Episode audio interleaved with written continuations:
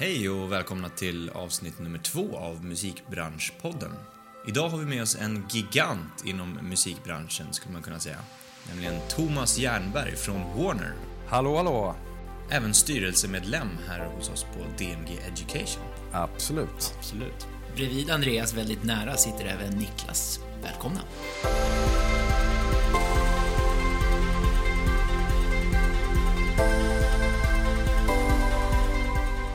Jag tänkte så här att jag ska presentera dig, Thomas, istället Ja. för att du ska presentera dig Ja, själv. ja. Eh, Du har ju gjort egentligen det mesta i musikbranschen, kan man väl säga. Ja, Du har ju eh, startat eget skivbolag, startat en av de största festivalerna i Sverige, Getaway Rock Festival.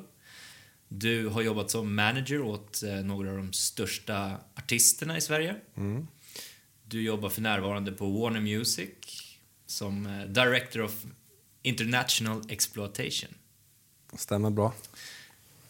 Och du är även ute och föreläser väldigt mycket. Ja, Just kring eh, målsättning och målbild, eller hur? absolut. Missar jag något? Mm, ja, jag var agent för ett, ett gäng band. Bokade dem. Ja, du bokade också. Ja, precis. Mm. Men eh, ja, annars var det jävligt bra summerat. Bra, bra. Ja, Du har gjort din research, Andreas. exakt. Oerhört bra. Nej, men eh, jag tänkte nu, nu är vi lite avslappnade. Nu slipper du berätta om dig själv. Du har säkert gjort det x antal gånger tidigare. Eh, så då har vi det överstökat. Så jag tänkte liksom att vi, vi ska ju inte prata om hur man driver management och hur man tar sig an eh, ett nytt skivkontrakt, alltså en ny artist på ett skivbolag eller liknande. Vi kommer ju prata kring just det som du föreläser mycket om. Målbild, målfokus och målsättning. Hur man tar sig framåt och att sätta mål också. Eh, Så jag tänkte att vi, vi eh, kan väl gå in på det på en gång.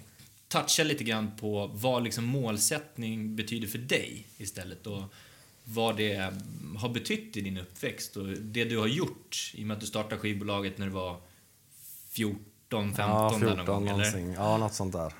Har det liksom, har målsättningen funnits ända sedan dess? På ett sätt, eller, ja, eller egentligen på flera sätt. Men jag tror att eh, i början så startade jag ju den här skivverksamheten och fanzine och sånt där mer baserat på att jag tyckte om att skriva och tyckte om att jobba med musik på något vis. Medan jag kanske inte var den bästa hardcore-sångaren. eller framförallt inte gillade att stå på scen. Eh, men sen när saker och ting gav effekt, när man liksom lyckades få ut sina första skivor och första artister på olika turnéer och sånt där, så tyckte jag det var väldigt liksom, uppeldande på något sätt. Eller det äggade mig hela tiden att eh, få saker och ting att liksom växla upp. Eh, så att på ett sätt så skapades väl den första så här, målsättnings eller liksom målbilden i samband med att jag eh, hade som mål att nya projekt skulle ge effekt hela tiden. Ehm, men då hade jag kanske ingen riktig så här delmålstanke på det sättet riktigt utan initialt hade jag mer ett liksom, mer fiktivt mål. Typ som ja, men när jag är 40 ska jag inte behöva jobba mer. Eller, eller att jag ska kunna vara oberoende på olika sätt vid en viss ålder. Men jag hade liksom inte då utstakat steg för eh, för vart jag skulle vara exakt. Sådär. Men det blev mer så eh, senare. Det var egentligen kanske för, jag kommer inte ihåg årtal så himla bra, men för, för kanske fyra år sedan och sånt där, när jag, när jag hade gjort ganska mycket som jag liksom mer började tänka på mina egna mål och hur jag skulle ta mig till olika platser eller olika delar mot det jag vill uppnå på något vis. Så det var mer, mer liksom, från början var det mer att en, en dröm och någon slags vision kanske. Eh, Eller liksom ett mål, att du, du visualiserade ett mål framför dig. Ja, jo, men det gjorde jag ju. Men inte den här nedbrytnings... Nej, eller jag, säg att jag släppte min första skiva. Då blev ju nästa mål att jag skulle finansiera nästa skiva och sen min andra skiva och tredje skiva. Och när jag hade bokat mitt första, första turnédatum för en artist så ville jag liksom boka 17 datum. Och sen när jag hade gjort det så ville jag Istället för att bara att de spelar i Sverige så vill jag att de ska spela i Danmark och Norge. Jag vill liksom expandera projekt hela tiden. Det har jag velat göra sedan jag var liksom 11 år typ. Ja, nej men jag känner igen mig det där vä- väldigt mycket. Just det här med eh, att när man väl har nått ett mål, då vill man expandera det målet till nästa nivå. Ja. Eh, istället för att, det, alltså det finns ju tänk som vi kanske jobbar lite mer med nu. Just det här med visualisera ett, ett stort mål och sen bryta ner det till delmål och sen jobba, jobba med de delmålen. Då. Ja. ja men det har jag nog insett på senare år att det förmodligen hade varit ett mer effektivt sätt att jobba på ett sätt. Att man hade haft målet av att eh, om man tänker att man bokar en artist eller man, vad man än liksom tar sig för, att man redan i starten tänker sig ett lite liksom mer långsiktigt mål att jobba mot. Istället för att expandera vid varje delmål. För att då blir det också väldigt eh, ad hoc hela tiden. Man kan inte... Ja, men nu, fick, nu spelar vi i Stockholm eller nu hade vi tusen Facebook-likes och då blir det ad hoc att bara tänka ja, men nu ska vi ha 2000 likes. Så att, tänker man det från början så skulle man kunna jobba mer aktivt mot 5000 likes med en gång med en viss stege. Ehm, eller vi ska åka på Europaturné. Ja, då kanske delmålet är att vi inom ett år gör en riktig Sverige-turné. Och, eh, eller jag ska representera artister så jag kan livnära mig på det. Då kanske delmålet är att liksom börja jobba med några nykomlingar för att inom åtta månader kunna liksom skicka sina första fakturor eller utveckla de här koncepten eller projekten på, på ett eh, liksom mer utstakat sätt. Sen expanderar man ju mål efter tid, eller över tid. Framförallt när man uppnår dem snabbare, vilket jag på senare år har gjort hela tiden. Men alltså, eh, när... Som du säger, alltså från början så var det alltså inte riktigt... Du expanderade varje mål i princip, kan man säga, till ett nästa mål. Men när någonstans insåg du att jag kanske måste sätta ett högt mål redan från början för att då bryta ner på det här sättet till olika delmål? Eh, Det var egentligen i samband med att jag träffade, jag, ja, jag träffade en som blev min coach faktiskt. som, som började prata mer om, om detta. Jag gjorde även en så här personlig utvecklingskurva. Eller jag fick liksom sitta och spekulera. Vi hade en sån här fem timmars session där jag satt och berättade om mina liksom, mål om tre år. Och sen satte vi upp så här lappar på en vägg med eh, massa eh, som man säger, eh, ja, men egentliga delmål för att nå den här treårsplanen på något vis. Och då kunde jag med det här, den här kartan som kom ut av det kunde jag hela tiden visualisera hur, hur första dagen på den här treårsresan skulle kunna se ut.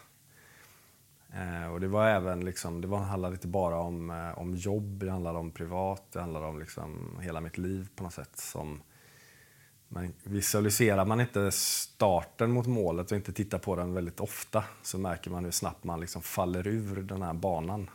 Det kan jag märka även nu när jag, när jag inte visualiserar och inte dokumenterar hur mitt mål Eh, eller delmål ser ut, eller starten på dit jag ska resa så att säga. Då eh, faller jag ju lätt ur den här kurvan på något sätt. Det, för, för mig är det viktigt att dokumentera mål. Eh, inte bara det stora målet utan även alla bitar dit. För att om jag tar alla bitar dit så får jag liksom inga delmål att passera. Och då kan jag aldrig riktigt heller känna att jag är på väg. Mm. Om man, just det där med visualisera. Jag har en, em, en story kring när jag var, vad kan jag varit, 10-12 år någonstans. Em, då ville jag ha, köpa en speciell gitarr. En speciell elgitarr.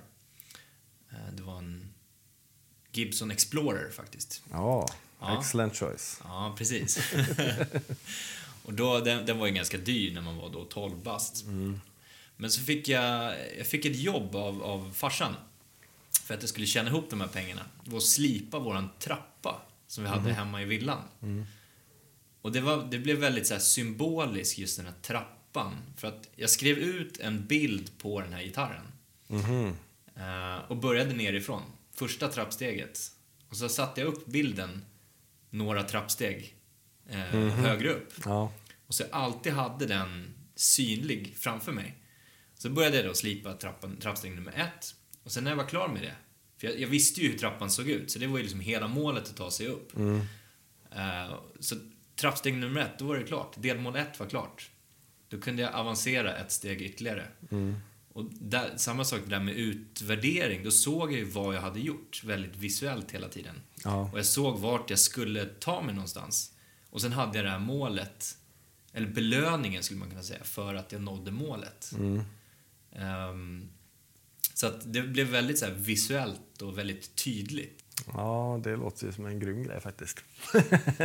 Det är något man skulle göra På daglig mer ofta på basis. daglig basis. Ja, precis. Rita upp det. Men för att sammanfatta då, ehm, liksom, hur man kommer igång med sin målsättning. Mm. Ehm, då har ni pratat om då kanske sätta upp ett högt mål och visualisera det. Eh, sätta delmål, ehm, dokumentera. Mm. Eh, kanske börja jobba med en coach också, som du nämnde. Ja, för, ja, men nätverka och försöka... Jag vet inte. Jag läser ofta såna liksom påståenden, typ att om man driver företag, om du träffar någon som är bättre än dig själv, anställ direkt. Lite som i kontaktnät eller nätverk, försök, eh, liksom, försök eh, driva en, eller ha en kontakt på olika sätt som utvecklar ditt utvecklar din resa mot målet. Och genom det tror jag också man kan förverkliga eller visualisera ett högre mål än vad man normalt sett kanske skulle bara tänka direkt. Om man, om man liksom kommer en bit på vägen och har lite mentorshjälp eller har, har folk att bolla med som bidrar till ens resonemang kring det. Jag tror att många nöjer sig väldigt mycket i sitt nätverk att det inte ser ut så. Men jag tror att man aktivt ska söka det för att öka sina, liksom, sitt stora mål på något vis. Ja, eh, där känner jag också igen mig det här med att, att eh, hela tiden expandera, alltså pusha sin limit framför sig hela tiden. Alltså uttrycket att vara nöjd eller att nöja sig. Alltså det finns ju en ganska stor skillnad mellan det. Ja, Ehm, och just det här med att, att vara nöjd med det man har nått och uppnått, men att inte nöja sig med det. ja, Eh, speciellt när man liksom tittar på målsättning och målbild, hur man ska ta sig fram. Har man ett stort mål, att inte nöja sig. Men jag har det rätt bra här ändå när jag ja, nådde det här ja, femte delmålet av Ja. tio eller vad det nu skulle Mm. kunna vara. Ehm, så att vara, ja, men att vara nöjd med det man har och där man är, men inte att nöja sig. mm, Är det något du känner igen det? Jag tänkte just på det här med artister ja, eh, som jobbar fram i sin karriär. Att har de tydliga mål och kommer de någonstans till en, en nivå där de nöjer sig lite grann? Jag tror att eh, enda sättet att liksom resa vidare, det var ett väldigt bra uttryck för övrigt. Men att inte nöja sig tror jag är en viktig aspekt till att växa och komma vidare. Även om man är nöjd med eh, det man uppnår.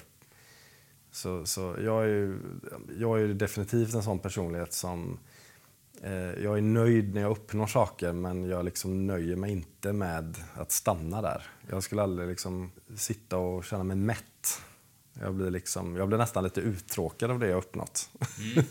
nu kanske jag är ett extremfall, jag vet inte, men jag blir lite uttråkad av att, av att stanna. Att inte gå vidare i det jag liksom har utfört. Men kan det ha någonting att göra med att du verkligen har en tydlig målbild från början? Att du, du under en ganska lång tid har haft, du har haft den visuella bilden på hur ditt mål, alltså när du når det målet, hur det kommer se ut. Så att när du kommer dit så har du egentligen redan mentalt upplevt det. Det kan även gälla även om man inte har ett stort mål tror jag. Alltså, på, även om du, eh, liksom, nu låter som vi pratar om filosofi här, men även om man Även om man vill expandera på mål som uppstår hela tiden, eller man vill, upp, man vill expandera från det man har uppnått. För att man visuellt hela tiden inne att man vill expandera. Alltså det måste ju inte vara här alltid att man kanske tar emot en långsiktig målsättning, men man kan ju, jag har alltid liksom fantiserat om mer. Ja, precis. Mm, jag fattar. Eh, lite som att eh, man... Eh, ja, men lite som när man tränar på gym och lyfter en viss vikt. Så går jag och fantiserar lite, eller visualiserar hela tiden om hur jag ska kunna lyfta lite till. Vi åkte ju som sagt, jag och Niklas åkte ju Vasaloppet härom eh, dagen faktiskt. Kan man nästan säga. Någon vecka sedan. Dels så hade ju vi eh, ett stort mål, det var att klara Vasaloppet. Det är nio mil på skidor.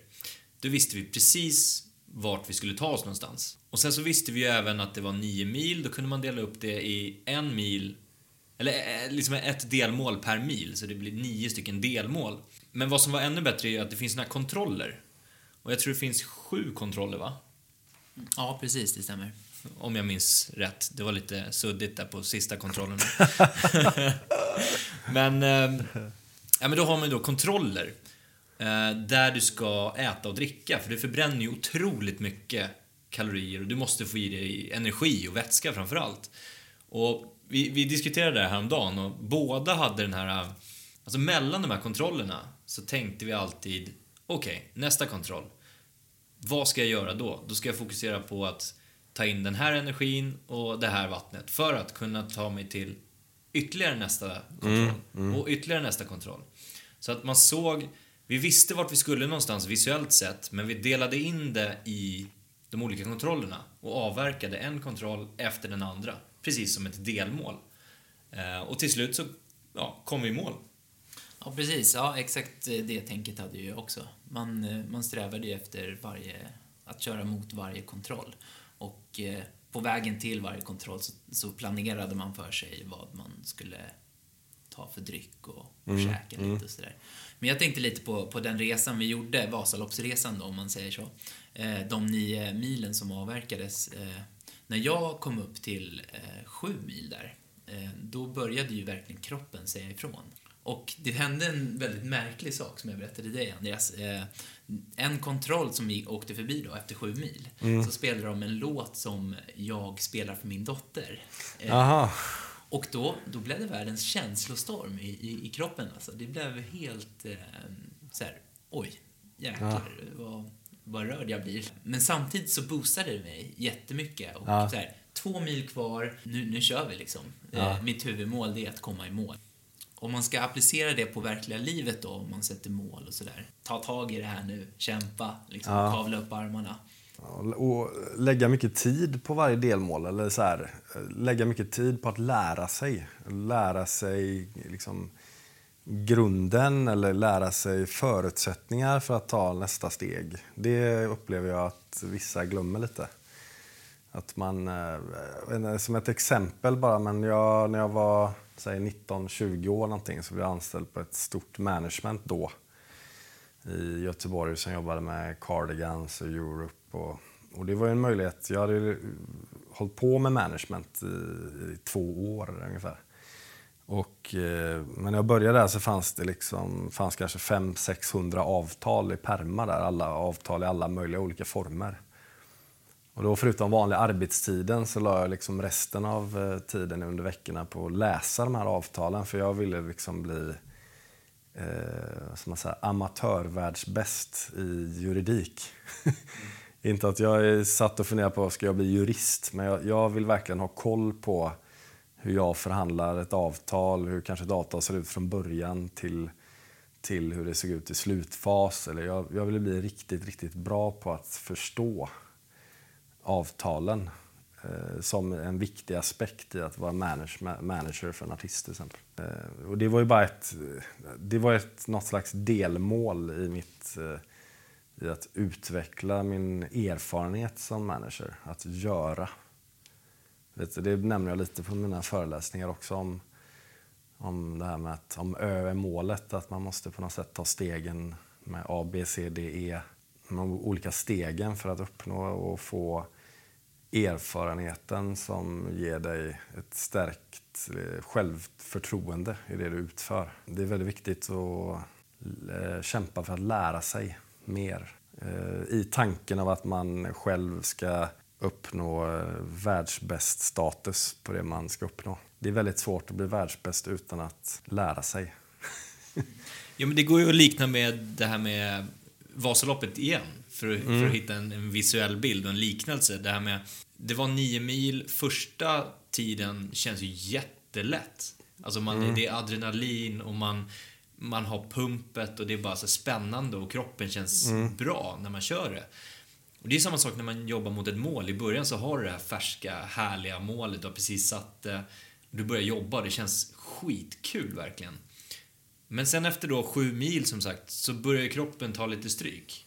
Och det är samma sak, det kanske inte är lika roligt längre. Nej. Ehm, Känslorna börjar ta över. känslorna börjar ta över. Man kanske börjar tvivla lite. Klarar jag av det här egentligen? Både Vasaloppet och själva huvudmålet då, om man säger så. Och sen det här med att fylla på, som du var inne på. Att, att ständigt lära sig nytt. Går ju även att likna att fylla på med näring. Ja, Alltså verkligen. att, att näringen är kunskapen Mm. eh, när man du jobbar mot ett mål. Mm. Nej, men just att ständigt utbilda sig själv, utveckla sig själv framförallt. Verkligen. Det, det är nog ganska många som ibland tänker att de ska kunna väldigt mycket av, av det de ska kunna eh, direkt.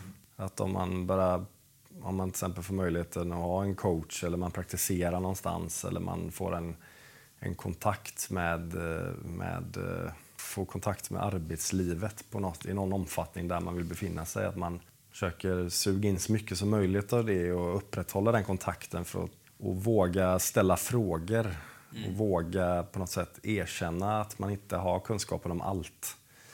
För genom att fråga kommer du få svar.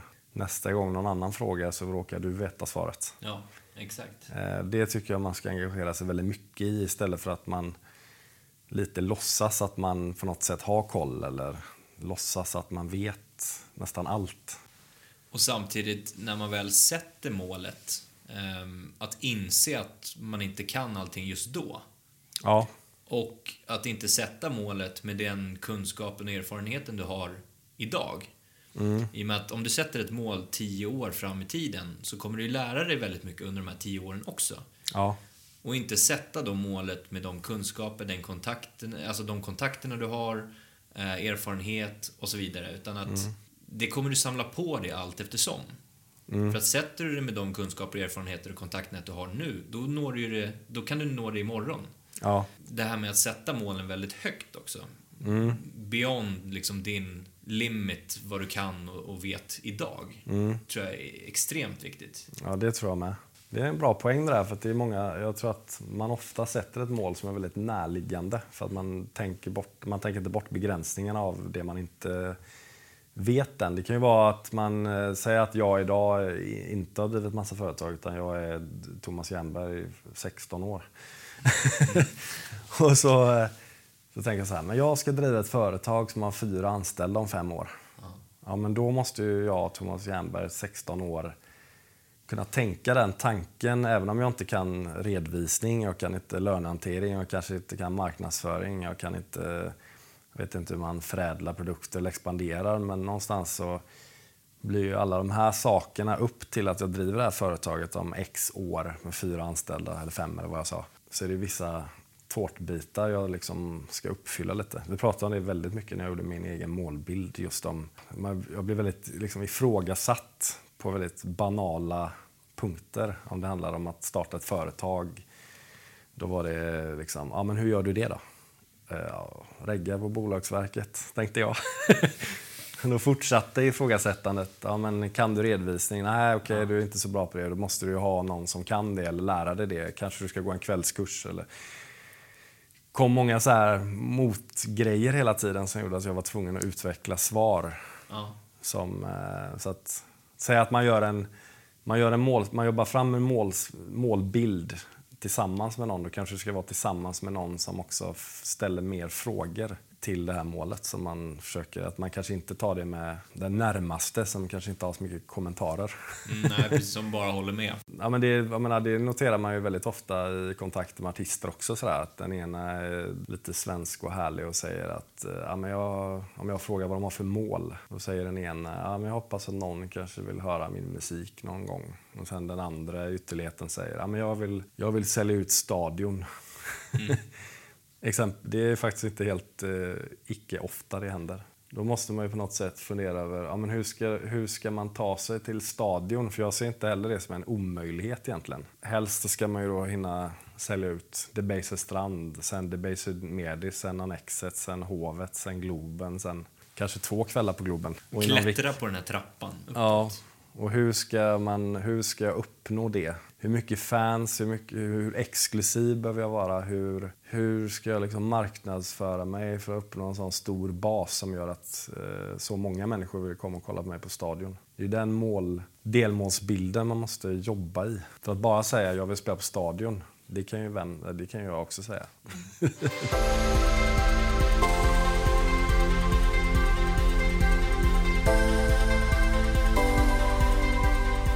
finns många artister som säger att de inte bryr sig, men jag tror att de flesta ändå bryr sig lite grann. Det är ganska kul att vara etta.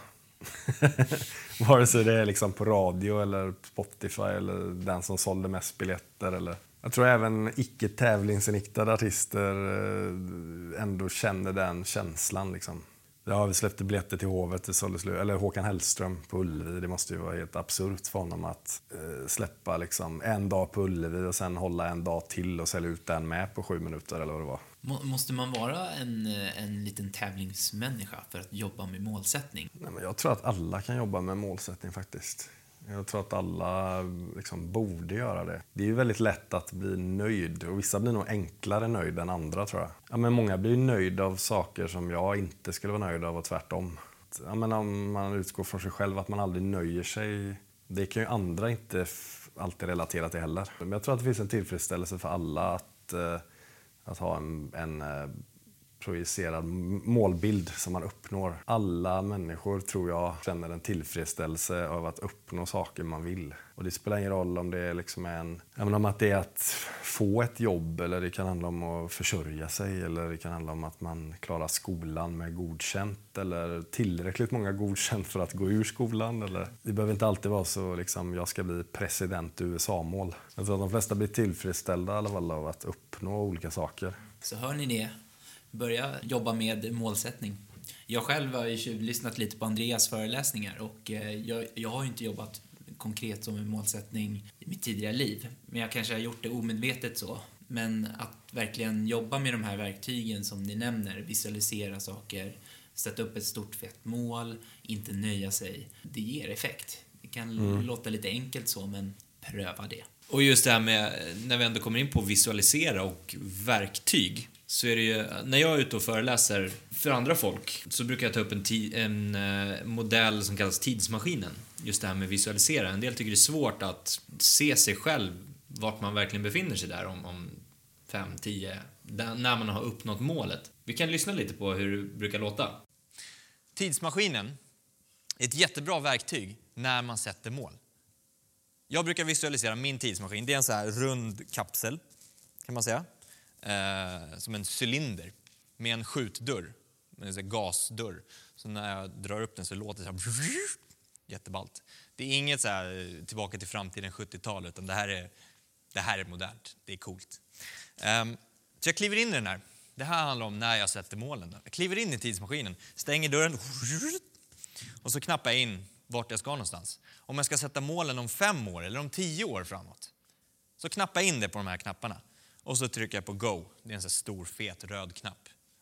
Ni ser dem framför er, eller hur? Så bara pang, trycker jag in. Och det börjar blixtra och det är rök och det är häftigt och så bara... Och så åker jag fram till framtiden. Här är framtiden. Med min tidsmaskin. Om det är, vi säger tio år nu för att vara konsekvent. Tio år fram i tiden. Och jag bara landar, öppnar gasdörren och så kliver jag ut här. I framtiden tio år fram i tiden. Och jag kan gå runt och titta på vart jag befinner mig någonstans. Inte vägen dit, för att det, det, var, ju liksom, det var ju en tidsmaskin. Inte vägen dit, utan vad gör jag här? Vad har jag nått för någonting? Vad, vad jobbar jag med? Eh, hur ser det ut där jag är? Vilka människor har jag omkring mig? Vad luktar det? Vad har jag för känslor? Samla så mycket intryck som möjligt. Jag kan gå runt och se mig själv, mitt framtida jag och samla ihop så mycket information som möjligt. Kommer du ihåg? Samla ihop så mycket information för att ta så bra beslut som möjligt. Så samla ihop allt det här. Visualisera vart ni befinner er. Och vart ni vill, inte vart ni ska eller måste befinna er, vart ni vill befinna er. Ja, så bara samlar jag på med det.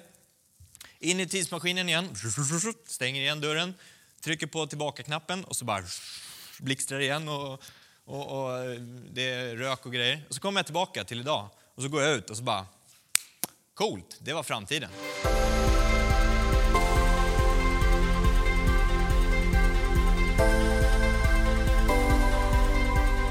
Just det här med att visualisera, att inte... När man nu sätter målet så är det väldigt lätt att fastna som vi pratade om tidigare med att ja, men jag sätter ett litet mål och expanderar det målet allt eftersom. Men det här viktiga att, att hitta det stora målet och att inte bry sig om resan dit än. Utan att sätta det målet först. Inte hur man väl tar sig dit. Om det var nu, som vi, precis som vi sa, sälja, sälja slutstadion.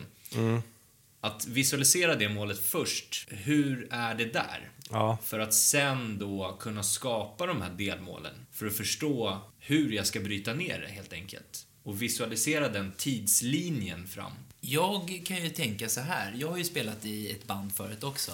Och jag tyckte vägen fram till det stora målet var typ det roligaste. Jag visualiserade inte mitt stora mål, kanske. Det var ju typ stadion, världsturné, sådana saker. Men vägen dit, det var det jag tyckte var det bästa liksom. Hur gör man för att inte hamna i det läget liksom? Var det lite så här nöjdsyndromet jag hade då kanske? Hade jag inte visualiserat mitt stora mål tillräckligt mycket? Eh, hade jag inte skrivit ner det? Ja, det är en blandning lite vad du säger där tror jag. Just det här med, du hade nog visualiserat det. Men sen, sen måste du ju ändå även konkretisera det. Ja. För att, som vi sa, bli rockstjärna är ju inte ett konkret mål egentligen. Det betyder olika för olika människor. Ja. Att vara rockstjärna kanske betyder att sälja slut Debaser. Eh, för en annan person så, så betyder det att sälja ut stadion. Jag tror att när man har visualiserat det, här stora målet, så dels så måste du ju skriva ner det också. För att kunna ha någonting att titta på och se att, om du är på rätt väg. För att kunna fokusera på den här äh, vägen som du sa. Alltså att, att göra de här spelningarna, turnéerna och klättra på den här trappan. För då kan du släppa det stora feta målet. Då kan du släppa det och gå tillbaka till det lite då och då. Men att fokusera på nutiden. Och det är det jag tror är väldigt viktigt. Och sen att konkretisera att vad, vad betyder det verkligen att bli rockstjärna eller att försörja mig på musiken? Det är också ett väldigt luddigt uttryck. Det kan ju kanske betyda att man vill betala hyran, man vill kunna bo på det här stället, man vill kunna... Man kan säkert ha olika uppfattning i en bandkonstellation också. Exakt, En vill precis. köpa eh, Hollywood Hills-villa och en vill ha möjlighet att ha en hyresrätt eh, i Stockholm. Nej, men det kan nog vara väldigt olika. Det där. Jag tror i och för sig att även om du visualiserar, ett stort slutmål så tror jag det ändå är vettigt att man, man liksom, eh, återkommer ju till delmålen under vägen. Att det är klart att om du uppnår saker väldigt enkelt eller du uppnår mycket mer än förväntat så måste du också expandera delmålen lite för att ta det vidare ännu mer och förhoppningsvis kanske till och med snabbare till ett delmål. Eh, om det är ett delmål att man har, vi ska ha 100 000 likes på Facebook om ett år för att då tror vi att vi kan expandera och få så här många lyssningar eller så här stor fanskara. Att då måste du jobba mot ett mål som eh, går i linje med den ökningen på Facebook exempelvis i likes. Att om du, har, om du har 500 likes och ska ha 100 000 på ett år, då måste du uppnå rätt mycket i de här delmomenten och skapa massor med aktiviteter som understödjer att du får fler likes som motsvarar det här målet. Men det är klart att om du har 120 000 likes efter en månad, då får du ju uppenbarligen skruva om. Eh, då har du ju uppenbarligen expanderat dina delmål. Men det är ju verkligen positivt. Ja, verkligen. Men jag tänker på det här med, det här med artister som vi var inne på att har man ett stort, riktigt, riktigt stort fett huvudmål, hur ska man jobba med artister? Alltså som antingen manager eller skivbolag eller liknande för att den här artisten ska vilja genomföra det. Som Niklas var inne på, att, att tycka resan är rolig också och en del av faktiskt huvudmålet. Så att man behåller den glöden på något sätt och inte bara siktar på det här huvudmålet. Jag tror att det skapas en, eh, en nöjdhet hela tiden med delmålen, alltså per automatik. Alltså om du har det dokumenterat, du har det nedskrivet med olika saker du uppnår, du uppnår och du i de flesta fall lyckas med det. Jag hävdar ju att man eh, liksom alltid merparten lyckas med delmål på något sätt. Även om det är klart att i vissa lägen har man inte lyckats med allting, men på något sätt så är det stärkt om man, man fortsätter med eh, parallella mål eller med saker som ska expandera under tiden. Men jag tror att vi skapar en tillfredsställelse i ett projekt där saker och ting går framåt för alla inblandade. Så att jag tror att typ att du tyckte det var kul att repa. Det är ju kanon. men, men det betyder ju inte att man liksom eh, inte intresserar sig för slutmålet egentligen, men att att man gillar att repa eller man eh, till exempel gör intervjuer. Det kan ju vara ett sätt för mig att förklara för en artist som inte orkar göra intervjuer eller inte vill eller inte vill resa eller inte vill utföra vissa saker. Då är det ju mitt jobb att bistå med att förklara. Vad, ja, men om vi gör de här sakerna då kommer vi, då kommer vi öka intresset där. Om du åker på den här promotion-turnén så kommer det leda till att vi får en ökad effekt i den marknaden. Eh, och då kan man ju långsamt gå mot liksom, målet att någon stor framgång kanske är målet i x antal länder eller ett territorium till exempel. Så jag, jag, tycker jag använder det på daglig basis i, i planer man gör. Precis mm. som, precis som ett skivbolag eller vilken, vilket företag som helst, eh, eller många i alla fall, jobbar ju med marknadsplaner eller planer för ett företag eller planer för en verksamhet. Jag tror att de, de flesta är nog ganska i behov av mål och delmål i en verksamhet. För att bara liksom fungera i blindo blir väldigt icke-tillfredsställande på något sätt. Att, eh, även om inte alla tävlar så tror jag alla känner en tillfredsställelse i att liksom, man uppnår hela tiden de här stegen. Det stärker ens självförtroende. Ja, ja verkligen. Och just det här med att, att famla i blindo som du sa. Att har man inte den här målplanen och mm. samma mål inom en organisation eller ett band eller vad det skulle kunna vara.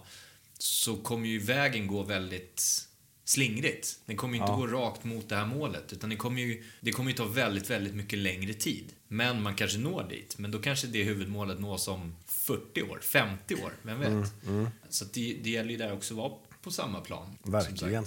Och är man en gruppkonstellation eller en grupp av människor som ska uppnå någonting, då måste ju alla eh, vara med i en sån beslutsprocess eller dialog eller visualisering. För att om man inte är medveten om slutmålet eller man helt enkelt avstår att delta, då är det ju väldigt, väldigt svårt för en grupp att lyckas. Det ser man ju väldigt ofta i artistgrupper också. Mm. Det är väldigt ofta kanske en eller max två som är oerhört drivna och två, tre som inte är det jag funderar lite kring om man är typ 18 år idag och eh, tänker så här, ja men jag ska börja med målsättning, börja jobba lite kring det här vi pratar om idag.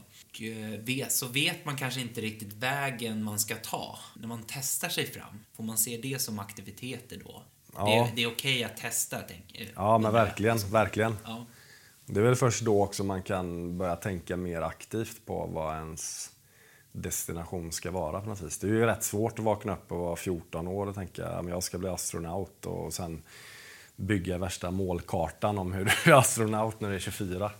Det är ju svår, man måste ju skaffa sig en massa erfarenheter och testa saker för att inse vad det är, vart, vart man vill gå. Eller man kanske tror att man vill vara musiker när man är 15 men när man är 20 och har hittat en viss liksom, yrkeskategori eller studerar eller vad man än gör så trivs man väldigt mycket i det. Och sen inser man där att men, jag skulle vilja ta steget till att göra de här grejerna som kanske blir det större målet.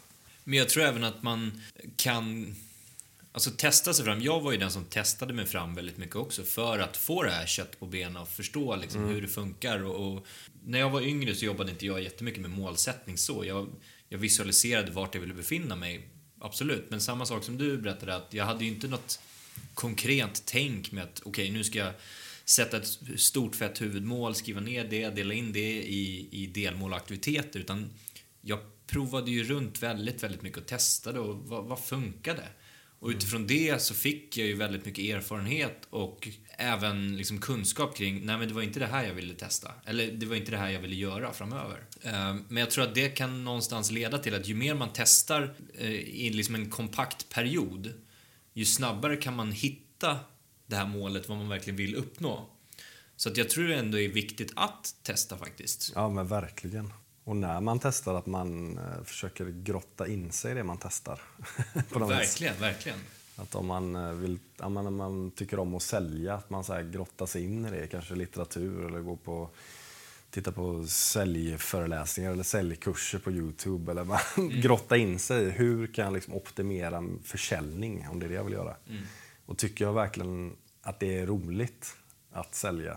Inte bara för att jag ska bli säljare, för pappa och mamma tycker att en, en säljkarriär är, är, är liksom ett väldigt bra mål. Eller att, jag menar, många är influerade av föräldrar och närhet på olika sätt. Man är uppväxt i en viss eh, miljö eller eh, sätt att eh, liksom, företagarfamiljer eller i, i läkarfamiljer eller advokat. Eller, det finns många som har en, liksom, nästan som en utstakad väg utan att de kanske har känt efter och testat och grottat in sig i testet. Mm. Det Precis. tror jag är väldigt, väldigt vanligt. Eh, Att folk blir läkare av fel anledning eller folk, blir, ja, folk väljer en väg fast det inte egentligen är de som har testat och vill. Thomas, du, har du några såna här konkreta tips? Du nämnde ju just det här med att ta sig från A till Ö, hur pass viktigt det är att avverka varje bokstav så att säga, liksom som ett delmål och varför vägen till det stora målet även är viktigt. Ja. ja, men det jag tänker, eller om man tänker konkreta saker i arbetslivet eller i studielivet eller i personliga livet. Men om man tänker på till exempel om du får en praktikplats på ett företag så kan ofta, eller ibland så får man, eh, man fråga, men vad, vad tänker du i framtiden? Och då kanske personen säger, att jag, jag vill bli, bli VD. Ehm, och det, det är ju helt grymt. Ehm, men det är också vissa som, som motsätter sig att göra många av, eh, av arbetsuppgifterna som kanske tilldelas i början för att liksom målsätt, man är så fast vid sin målsättning eller sin självbild av att man ska befinna sig på en vd-post. Att varför ska jag sitta och ringa runt till journalister i en ringlista för att jag ska ju bli vd? Eller varför ska jag eh, packa kuvert eller hälsa eh, besökare välkomna och fråga om de vill ha kaffe? Eller, det är många så här saker som eh, hämta kaffe och fråga om kaffe. Det är ju ett sätt att nätverka, det är ett sätt att liksom visa service och få kontakt. Ett att ringa till journalister utökar ju ditt nätverk och det utökar ditt sätt att förstå sig på att sälja. Och tänker man att man vill bli VD till exempel så skulle man gärna ta steg A, B, C kanske lära sig olika delar i verksamheten. Så att lära sig att marknadsplaner, lära sig att vara produktchef eller driva projekt internt om man nu pratar om ett skivbolag till exempel. Att det blir mycket lättare när man, om man tar steget och, och, och blir VD eller chef eller i någon position som man drömmer om eller vill uppnå eh, så har man ju också stor kunskap av hela den bakgrunden. När marknadschefen pratar om en marknadsplan så vet du vad, vad hen pratar om.